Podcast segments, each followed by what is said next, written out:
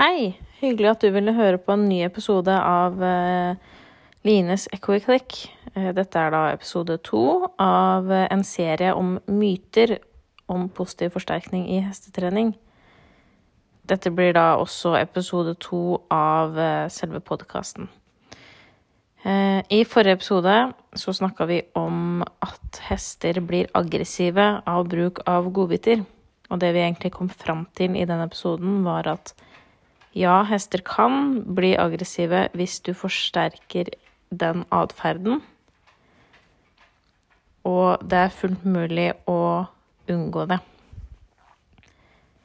Denne ukens myte er 'jeg bestikker hesten min når jeg bruker positiv forsterkning'.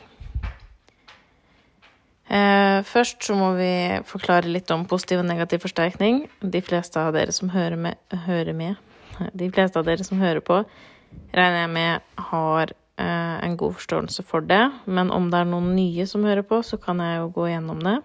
Så blir det litt repetisjon. Og repetisjon kan være bra, det. Um, det er lettere å se hva positiv og negativ forsterkning betyr om man deler opp ordene, eller deler opp setninga. Positiv og negativ betyr ikke at noe er positivt eller negativt. Det betyr rett og slett pluss og minus, eller legge til noe og trekke fra noe. Forsterkning betyr at man forsterker atferden, altså at det er mer sannsynlig at det hesten gjør i det du la til eller trakk fra noe, skjer igjen. Dette er teorien bak det, og hvordan det ser ut i praksis, er noe sånn som det her. Negativ forsterkning, da kan vi ta et eksempel på leiing. Du drar i leietauet, hesten står stille. Eh, hesten vil helst ikke at du skal dra i leietauet, for det er ubehagelig. Og for å få deg til å stoppe å dra i leietauet, så går den fram, og da blir leietauet slakt. Da, da lærer hesten at du trekker fra, eller tar vekk, det ubehagelige når den går fram. Så da blir på en måte Eh, å dra i leietauet blir et signal på at nå må du gå frem. Og det er ubehagelig at man drar i leietauet. Da lærer den at idet det ubehagelige forsvant så Det var når jeg gikk fram. Og da er det at, at jeg går fram, som du som leier vil at jeg skal komme fram til. Og positiv forsterkning så går man jo fram på en litt annen måte. Eh, en, vi kan først gå gjennom hva en klikker er for noe. En klikker er en liten sak som man trykker på, så det kommer en klikkelyd. Som betyr at det du gjorde i det øyeblikket, er riktig. Nå kommer belønninga. Så positiv forsterkning. Samme eksempel med leiing. Du klikker og belønner når hesten går fram på eget initiativ. Selv om du holder et leitau, bare har det slakt. Og etter hvert så lærer, hesten, lærer du hesten et kommandoord for å gå frem. For eksempel smatting, eller si gå, eller skritte. Da vet hesten at når du sier ordet, og den går frem, så får den noe godt. Altså du legger til noe for å forsterke atferden. Og det er litt forvirrende, fordi med negativ forsterkning så legger du jo til ubehag, men forskjellen er at eh, lærings eh, Idet hesten lærer hva du skal fram til, da tar du vekk noe. Så håper jeg ikke det ble for komplisert. Um, og ingen av disse eksemplene er bestikkelse. Definisjonen på bestikkelse er at man kommer med lovnaden om belønningen før hesten har utført oppgaven. Mens i positiv forsterkning så kommer belønningen først etterpå. Det blir en måte å kommunisere hva som er riktig, slik at hesten forstår hva som er forventa av den. Ordet bestikkelse er også noe som ofte blir brukt for å få noen til å gjøre noe de egentlig ikke har lyst til å gjøre. Og jeg tror det er litt, eh, litt det som er den største forskjellen, da. Fordi når man trener med science-based training, som det heter, eller positiv forsterkning, så er mye av poenget at hesten skal gjøre oppgaven frivillig. Og for å vite at det er frivillig, så må man først og fremst la hesten få lov å ha et valg. Eh, så hvis hesten gir tegn på at den ikke vil det her, så avslutter vi. Eller finner en annen måte å, å få hesten til å ha lyst, da, uten å bruke press. Og heller aldri gi hesten negative konsekvenser når den ikke vil gjøre oppgaven om man skal bestikke hesten for å gjøre en oppgave, så vil ikke oppgaven bli husket av hesten på samme måte. Så den vil på en måte ikke lære så veldig mye av det. Eh, og det den ofte vil lære, er at eh, den bare skal gjøre det den får beskjed om når man står og vifter med en gulrot foran nesa på den. Mens med positiv forsterkning så må hesten tenke over hva den gjør, og huske det til neste gang. Så eksempel på bruk av bestikkelse i hestetrening. Dette her er noe man ser ofte, tror jeg. I hvert fall så har jeg sett det ganske ofte. Eh, se for deg at du skal laste hengeren, laste hesten på hengeren. Og hesten vil ikke på hengeren. Så du henter en kraftbordbøtte med mat i, og så tar du den inn i hengeren. Så står du inn i hengeren og rister på bøtta. Hesten kjenner igjen lyden som at dette her er noe godt, og går på hengeren. Men den nøler. I de aller fleste tilfeller så vil den nøle, for den ville ikke på hengeren i utgangspunktet. Men den går på til slutt og spiser og blir stengt inne på hengeren. I dette scenarioet så er, eh, så er det noe hesten er motvillig til å gjøre, og du bestikker den med mat for å få den til å gjennomføre. Om vi skulle gjort dette med positiv forsterkning, så forutsetter det at hesten eh, kan være villig til å gå inn på hengeren i utgangspunktet. Og da er det viktig at det er trent på i forkant, og at hesten eh, har gode opplevelser med hengeren. Og at den har blitt forsterka når den viser interesse for å være der inne.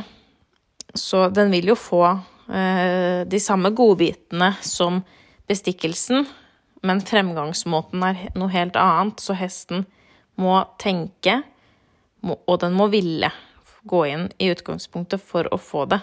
Det skal ikke være noe tvang inne i bildet, og heller ikke noe bestikkelse, for bestikkelse blir jo på en rar måte en form for tvang, det også. Og så kan vi jo se på det på en annen måte. Hvis du gjør en jobb du blir betalt for, ville du fortsatt kalt det bestikkelse?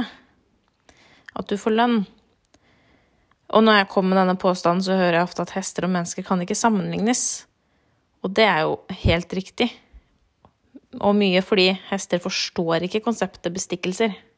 Det har de rett og slett ikke hjernekapasiteten til å forstå. Det, hester er veldig enkle, de forstår hva som blir forsterka, både med negativ og positiv forsterkning, og de forstår hva som blir straffa, de forstår konsekvenser. Eh, alle levende vesener gjør eller unngår å gjøre ting for to grunner. Konsekvensene for å gjøre eller ikke gjøre, det er enten noe bra eller noe dårlig. Vi kaller det for læringsteori. Og som jeg snakket om eh, innledningsvis, så bruker vi alle positiv og negativ forsterkning i hestetreningen vår. Noen bruker også positiv og negativ straff, som vil si at man enten tilføyer noe ubehagelig, altså positiv straff, for å stoppe atferden, eller ta bort noe som hesten vil ha for å stoppe atferden. Det er negativ straff. Og her er det jo et eksempel eh, Eller disse to sier jo veldig tydelig at positiv og negativ er ikke bra eller dårlig, fordi i, dette, i disse to så er jo positiv straff det verste. Mens negativ straff er litt bedre igjen. Men eh, det er ikke noe som er vanlig, tror jeg, å bruke. Men dette var dagens tema. Så håper jeg det var forståelig. Eh, I forrige episode så sa jeg at dere må gjerne stille spørsmål, så skal jeg ta det opp i podkasten. Og jeg har fått noen spørsmål, men jeg skal ta opp ett av de. Om du har lyst til å stille spørsmål selv, som jeg skal snakke om her, så må du gjerne sende meg en melding på lines.freeriding på Instagram. eller på linesfreeriding.no.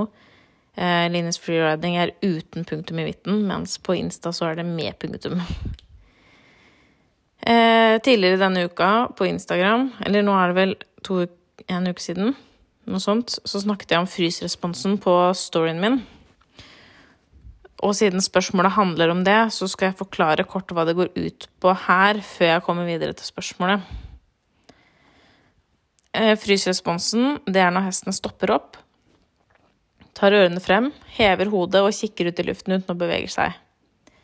Ofte så skjer det når hesten analyserer om det er fare i nærheten, og, eh, og det som kan komme etter denne responsen, er flight eller fight.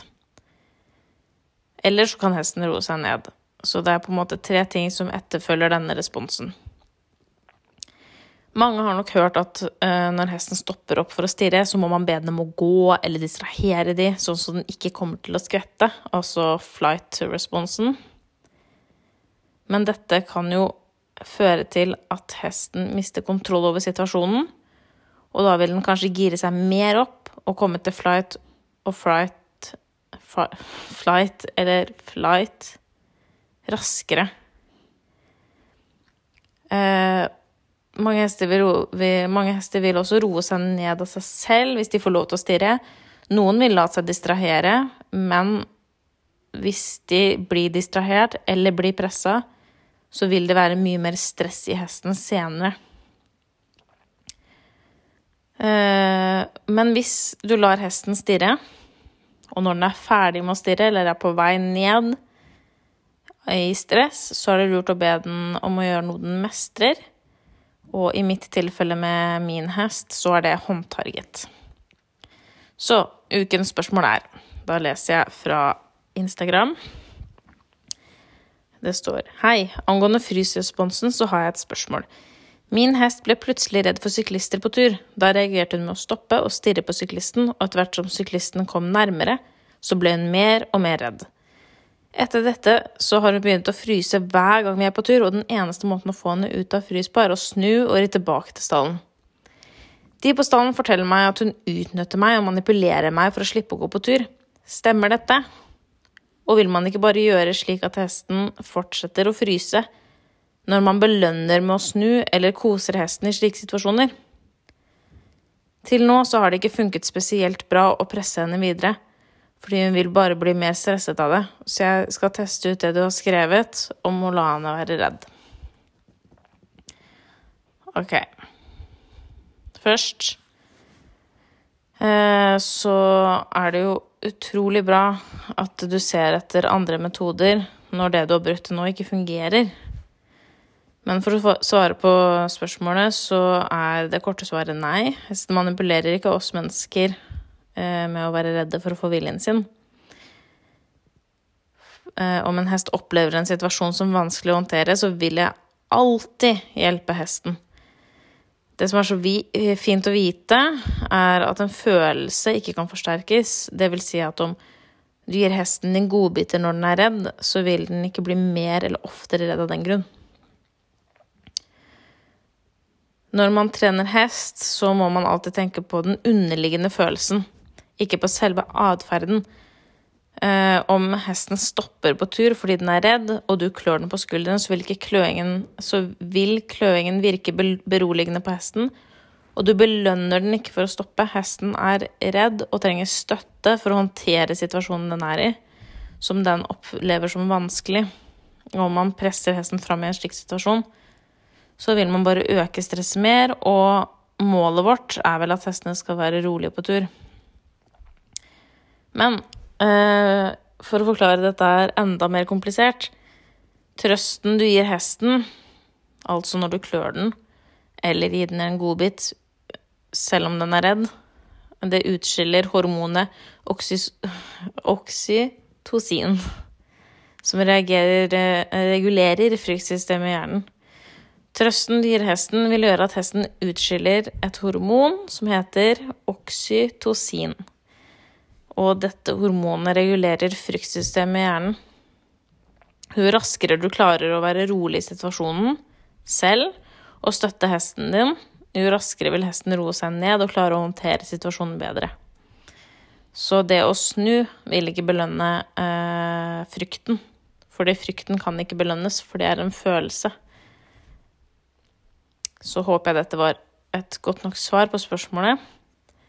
Og neste ukes myte er hvordan vet jeg om hesten faktisk vil gjøre det jeg ber om, og ikke bare vil ha godbitene?